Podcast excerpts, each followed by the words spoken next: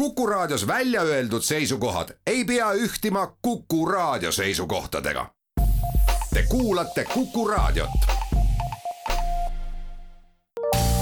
terviseks. saade valmib koostöös Ida-Tallinna Keskhaiglaga. vaata ka itk.ee tere, head Kuku kuulajad, eetris on saade Terviseks ja kui me eilses saates rääkisime insuldist, siis tänasel teemal jätkame.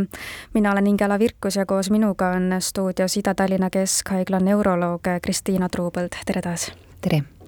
Me rääkisime eelmise saate lõpus sellest, et äh, on veel haigusi, mis võivad anda selliseid insuldi sarnaseid sümptome, näiteks tugev migreen, et äh, kui inimene kahtlustab, et seal ikkagi võib olla nüüd insult ja ta on kutsunud kiirabi või on pöördunud arsti poole, siis mis uuringuid tehakse, et äh, selle insuldi diagnoosini jõutakse, et mida kontrollitakse, mida küsitakse patsiendi käest või kuidas, kuidas välistatakse just siis need teised sarnase sümptomiga haigused? Äh, insuldi puhul kindlasti, kui kahtlus on, et tal on need sümptomid, kutsugu kohe kiirabi et ei tasu minna ja panna aega perearstile, vaid tuleb, tuleb kohe pöörduda. ja insuldi diagnostika käibki nii, et kõigepealt on vaja patsient üle vaadata. Mm, me teeme erinevaid teste, palume naeratada, silmi kinni panna, vaatame, kuidas ta kõneleb, äh, kuidas kõnest aru saab kas ta tasakaal, koordinatsioon, käte-jalgade jõud on korras, kas ta suudab äh, püsti seista ise ja siis selle alusel tegelikult tekibki, kas siis on kahtlus insuldile või ei ole, et vastavalt, kas sümptomid on või ei ole. ja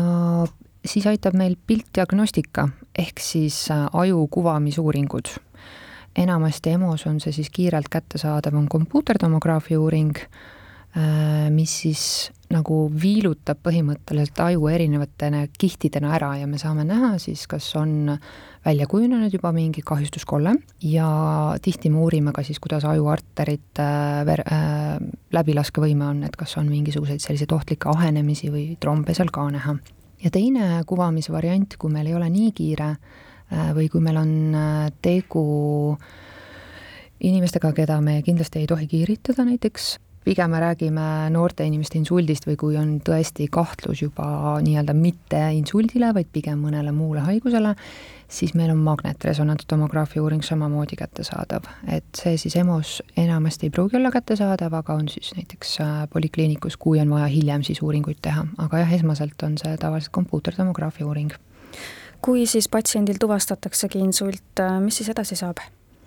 sõltub siis äh, insuldi alavariandist, et et äh, kui on siis tegu ajuinfarktiga ja on siis verevarustuse häire, teatud arteripiirkond ja patsiendi sümptomid klapivad selle äh, leiuga, kusjuures kompuuteruuringus siis veel ei tohiks olla välja kujunenud äh, ajuinfarkti kollet, see tähendab, et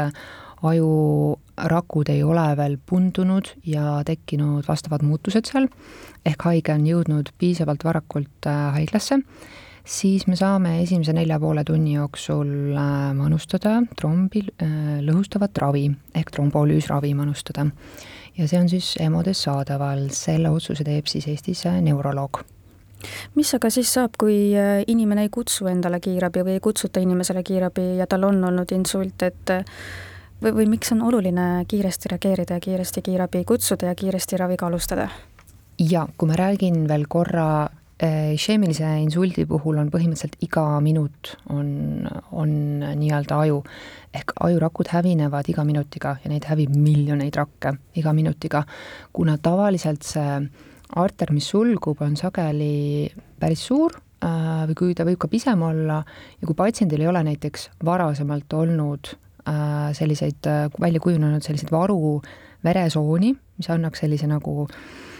varu äh, verevarustuse samale alale, siis tegelikult äh, kuna organism ei olnud selleks kohanenud, ette valmistunud, siis kujunevad kohe ja kiiresti rasked sümptomid välja.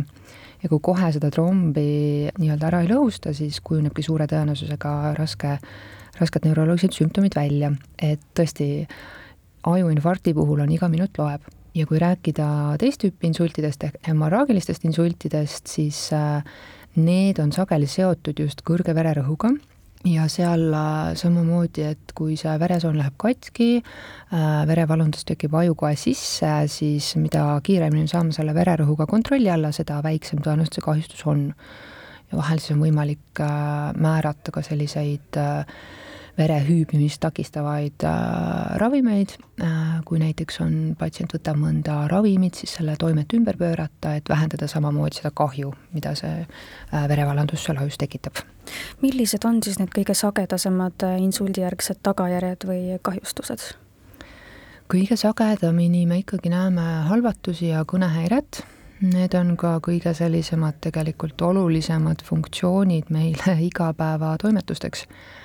ja, ja siis sinna juurde kõik muud asjad, koordinatsioon, tasakaal, näo selline asümmeetria, neelamishäire,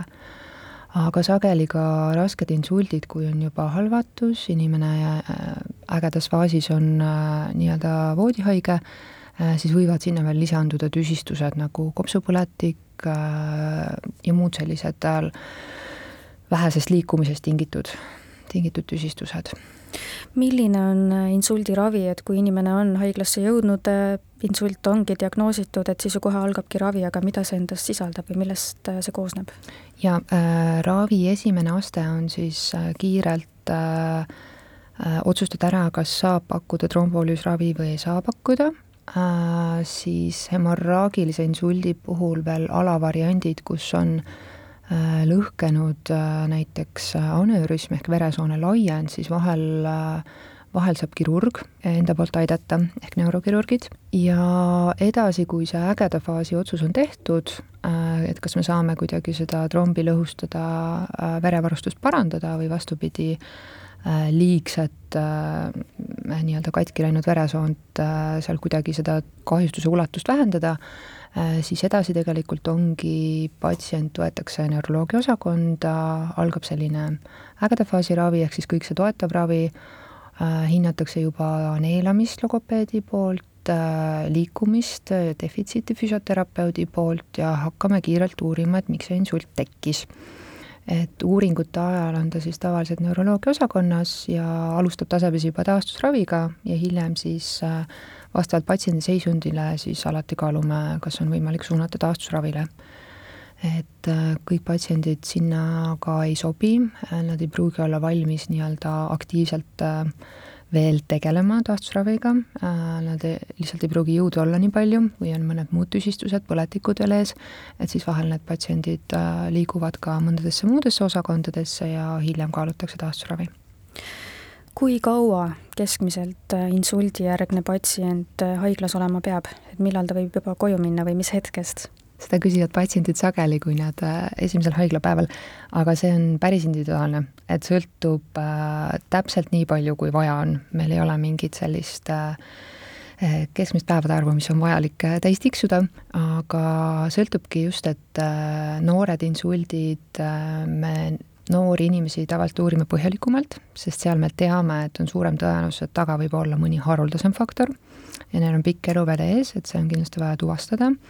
Eakamatel on pigem klassikalised riskifaktorid ja nende uuringud ei pruugigi väga kaua päevi võtta, aga siis jälle sõltub, kas patsiendil on veel kaasuvate haigustega mingeid probleeme, kas äh, tekib mingeid põletikke, kuidas tal läheb taastumine. Ja kui meie vaatasime oma eelmise aasta keskmist äh, neuroloogia osakonnas olnud äh, päevade arvu, siis oli ligikaudu viis päeva on patsient neuroloogiakeskuses, siis ta, siis ta meil tavaliselt liigub edasi kuskile, kas siis taastusravile, hooldusravile koju. kui ta näiteks nüüd koju läheb, millist äh, tuge ja hoolt ta võib siis edasi vajada, et loomulikult ka see on väga individuaalne ja sõltub inimese seisukorrast, aga et mis abi võib tavaliselt vajada siis insuldijärgne patsient kodus edaspidi? täpselt sõltubki, mis sümptomid tal on jäänud sellest insuldist, ehk siis jääkleid, et äh, kui tal on jäänud ainult kõnehäire, kõne takerdub, siis vajab ta kindlasti logopeedilist äh, ravi ja seda tihtilugu päris pikalt, siis me saadame ta polikliinikusse logopeedi vastuvõtule, kui lisaks on veel jäänud ikkagi mingit äh, halvatust, kohmakust, koordinatsioonihäired, jätab ta kindlasti taastusravi. Taastusravis saab jätkata ka täiesti nii-öelda nagu polikliinikus käies, füsioterapeutide juures regulaarselt. Ja,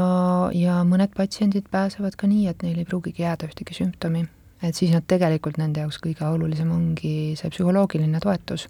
mida niikuinii vajavad kõik äh, peale sellist haigust, et, äh, et nad kõigepealt mõtleksid üle, et mida nemad saavad ise tulevikus teha,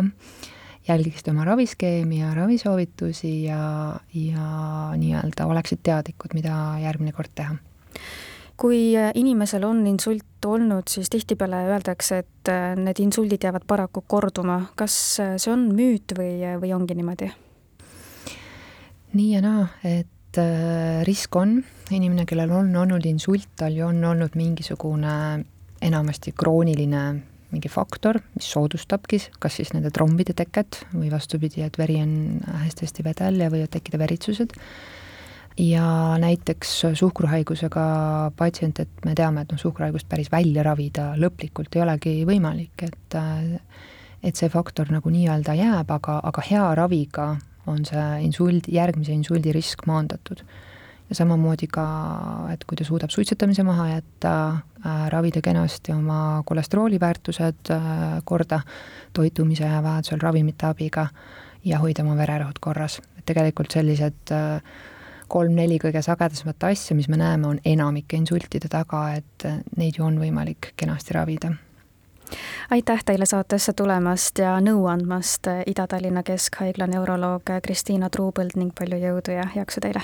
aitäh kutsumast! terviseks saade valmib koostöös Ida-Tallinna Keskhaiglaga. vaata ka itk.ee